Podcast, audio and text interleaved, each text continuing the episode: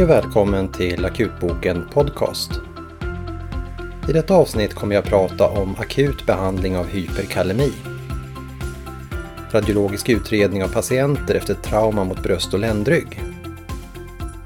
Samt en studie om patienter som sökt akut för svimningskänsla men som inte haft komplett medvetandeförlust. förlust.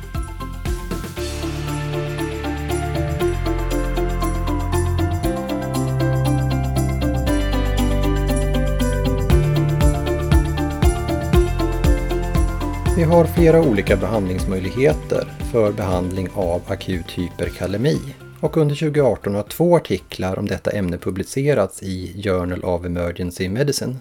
Dels en bra reviewartikel om de olika behandlingsalternativen och dels den så kallade Reveal-ID-studien som tittat på hur vi gör i praktiken när vi behandlar patienter med hyperkalemi. Jag tänkte här gå igenom de viktigaste budskapen från dessa två artiklar. När det gäller behandling av akut hyperkalemi har vi tre olika typer av behandlingsmekanismer vi kan använda. Dessa är membranstabilisering för att minska den akuta arytmirisken, behandling för att kalium skiftas från det extracellulära till intracellulära utrymmet för att snabbt men temporärt sänka kalium, samt slutligen öka utsöndring av kalium från kroppen. För membranstabilisering använder vi framförallt kalcium som hjälper till att återställa den elektriska gradienten över cellmembran och skydda därmed hjärtat från den arytmogena effekten av högt kalium. Initial behandling med kalcium rekommenderas om patienten har EKG-förändringar eller arytmier sannolikt orsakade av hyperkalemin samt vid kraftigt förhöjda kaliumnivåer med kalium över 7,5 millimolar även vid frånvaro av EKG-förändringar då arytmirisken för dessa patienter är relativt hög. Effekten av intravenöst givet kalcium kommer redan inom någon minut från injektionen och effekten sitter i cirka 20-60 minuter.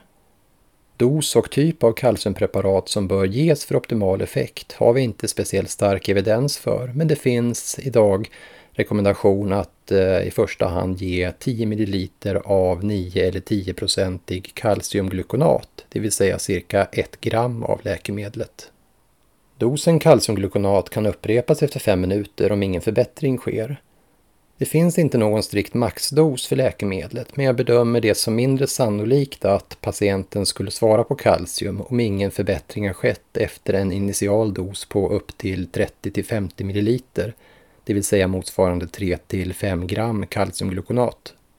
Det finns teoretiska fördelar att andra kalciumpreparationer som till exempel kalciumklorid skulle ha snabbare effekt, men de studier som finns talar för att kalciumglukonat sannolikt fungerar lika bra i praktiken, varför det sällan finns skäl att använda kalciumklorid som är starkt kärl och vävnadsretande med stor risk för svåra vävnadsskador om läkemedlet vid injektionen skulle gå subkutant istället för intravenöst.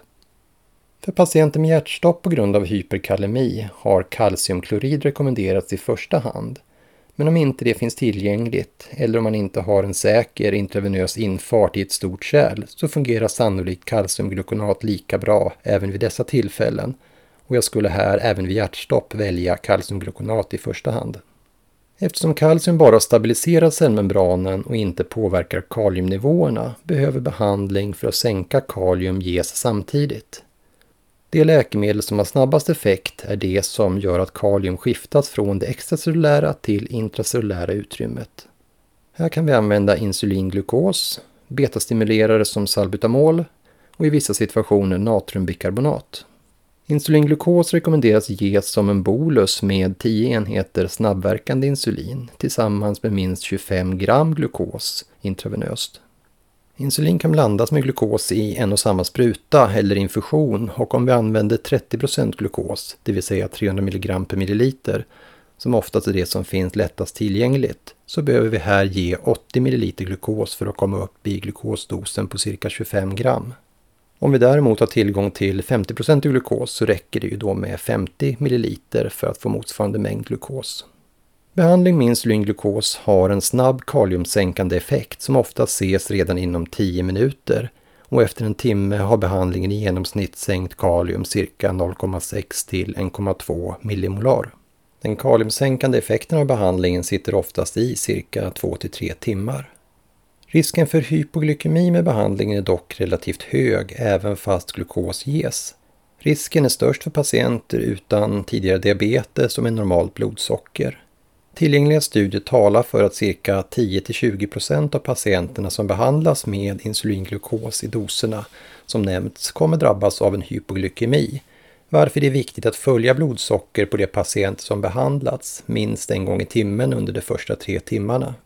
Användning av insulinanaloger som Humalog och Novorapid, vilka har kortare halveringstid, minskar sannolikt risken för hypoglykemi något, framförallt hos patienter med njursvikt. Om patienten skulle drabbats av hypoglykemi ges självfallet behandling med ytterligare glukos intravenöst, antingen som bolus eller som en kontinuerlig infusion. Det finns även viss stöd för att en lägre insulindos som till exempel 6 enheter kan vara lika effektivt att sänka kalium som 10 enheter, men ge en mindre risk för hypoglykemi. Att ge en lägre dos insulin kan vara ett alternativ för patienter vars hyperkalemi inte är så allvarlig att den kaliumsänkande effekten behöver ske urakut. Utöver insulinglukos kan inhalation av betastimulerare som salbutamol användas. Här rekommenderas användning av högre doser än vad vi vanligen använder vid astma eller KOL-behandling och den rekommenderade initialdosen är 20 mg salbutamol som inhalation. Den kaliumsänkande effekten av salbutamol är cirka 0,4 till 1,0 millimolar kalium med en effekt som sitter i ungefär lika länge som insulinglukos, det vill säga kring 2 till 3 timmar. Salbutamol ger en synergistisk kaliumsänkande effekt med insulinglukos och det är vanligt att en minskning av kalium med cirka 1,5 millimolar ses efter cirka en timme om båda behandlingarna ges samtidigt. Olika betastimulerare går även att ge som injektion men risken för biverkningar är då betydligt högre varför inhalationsbehandling rekommenderas i första hand. Även natriumbikarbonat kan ha en kaliumsänkande effekt, men detta verkar huvudsakligen gälla patienter som har en betydande metabol acidos. För patienter utan acidos har natriumbikarbonat sannolikt ringa effekt och rekommenderas inte som standardbehandling vid hyperkalemi. Även för patienter med metabol acidos rekommenderas i första hand insulinglukos och betastimulerare då detta oftast är tillräckligt och har bäst effekt men om patienten har en allvarlig hyperkalemi och samtidigt metabolacidos kan behandling med natriumbikarbonat övervägas. Den förväntade kaliumsänkade effekten är då cirka 0,1 till 0,15 millimolar per millekvivalent ökning av base excess. Det vill säga ger man natriumbikarbonat så vi får en ökning med 5 i base excess förväntas det kunna ge en sänkning av kalium med cirka 0,5 till 0,75 millimolar. Slutligen behöver vi få utsöndring av kalium för att få bestående sänkning av kaliumnivån.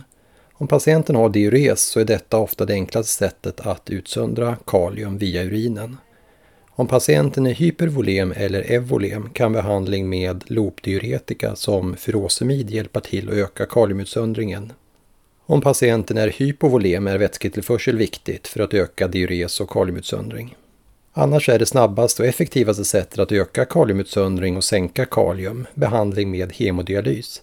Men detta förutsätter ju både tillgång till personal och utrustning samt att patienten har en dialysaccess.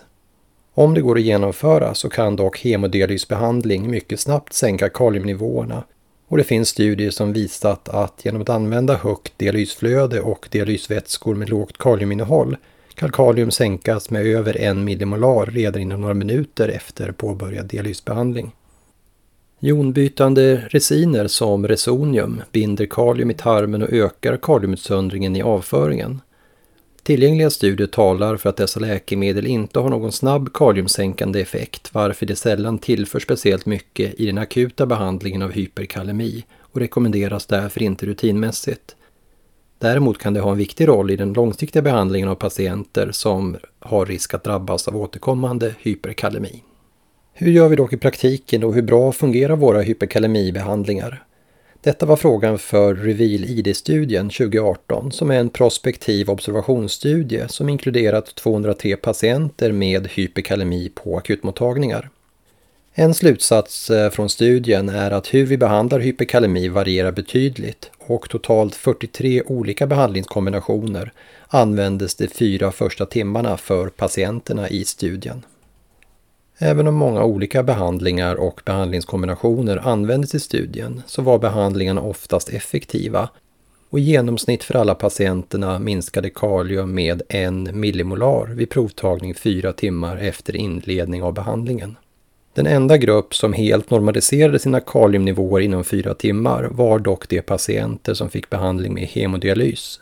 Ett annat viktigt observandum från studien var att även bland patienter med allvarlig hyperkalemi med kalium över 7 millimolar hade endast 45 procent av dessa patienter EKG-förändringar talande för hyperkalemi, som till exempel höga T-vågor eller breda QRS-komplex. Att EKG-förändringar saknades för många patienter även med allvarlig hyperkalemi är helt i enlighet med resultat från flera andra tidigare studier och detta betonar att ett normalt EKG inte utesluter allvarlig hyperkalemi. Detta är också viktigt att tänka på då det finns beskrivet att patienter med allvarlig hyperkalemi men normalt EKG kan drabbas av allvarlig och livshotande arytmier utan att några föregående EKG-förändringar typiska för hyperkalemi ses innan arytmin debuterar.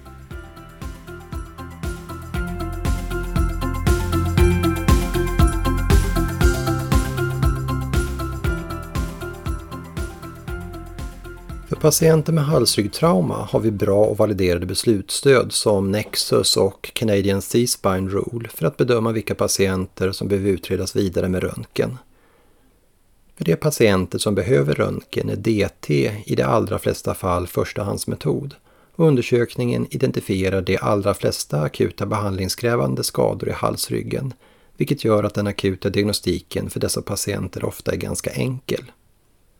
För patienter med trauma mot bröst och ländrygg finns inte någon motsvarande lika tydlig handläggningsalgoritm och detta är ämnet för en metaanalys i Journal of Emergency Medicine nu 2019.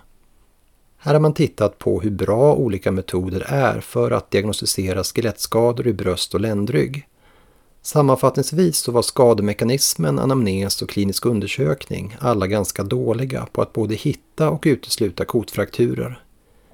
Det enda kliniska undersökningsfynd som starkt ökade misstanken om kotfraktur var en palpabel deformitet i ryggen, vilket är ovanligt men detta fynd hade en positiv likelihood ratio på 15 medan andra kliniska fynd som till exempel enbart ömhet över en kota hade en positiv likelihood ratio på 3. För att utesluta fraktur hade de flesta enskilda anamnestiska och kliniska parametrar en negativ likelihood ratio på över 0,5 vilket gör att det enskilt inte kan utesluta skada. Slätröntgen var relativt bra om skadan gick att se på röntgen och undersökningen hade då en positiv likelihood ratio på över 15 för fraktur. Men för alla inkluderade patienter hade slätröntgen en negativ likelihood ratio på vanligen 0,4 till 0,6 vilket ofta inte är tillräckligt för att utesluta fraktur, framförallt i en patientgrupp med hög pretest probability. DT-undersökning, både undersökning inriktad på ryggen och undersökningar rekonstruerade från DT, thorax, buk eller trauma-DT, var bäst på att både diagnostisera och utesluta kotfrakturer med en positiv likelihood ratio på 40 till 80 och en negativ likelihood ratio på 0,04 till 0,1. Min slutsats av artikeln är att vi inte har några bra metoder annat än DT för att säkert diagnostisera eller utesluta kotfrakturer i bröst och ländrygg efter trauma i akutskedet. Många stabila och isolerade frakturer kräver dock inte någon annan behandling än smärtlindring varför diagnostik av alla frakturer i många fall inte påverkar handläggningen. Även om DT är den bästa diagnostiska metoden i akutskedet så innebär det enligt min bedömning inte att vi bör använda DT för alla patienter som drabbas av trauma mot ryggen.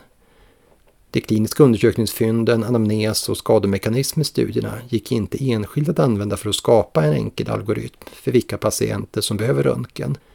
Men som för alla undersökningar får man göra en uppskattning hur stor risken är att patienten ska ha en skada och om denna risk är så hög att det motiverar röntgenundersökning.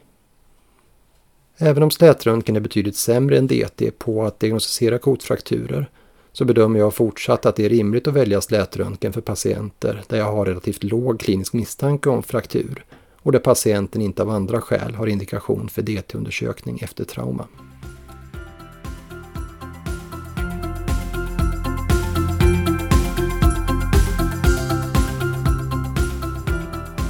Utöver patienter som söker till akutmottagningar på grund av synkope finns en relaterad patientgrupp som söker akut för svimningskänsla utan att ha haft komplett medvetandeförlust.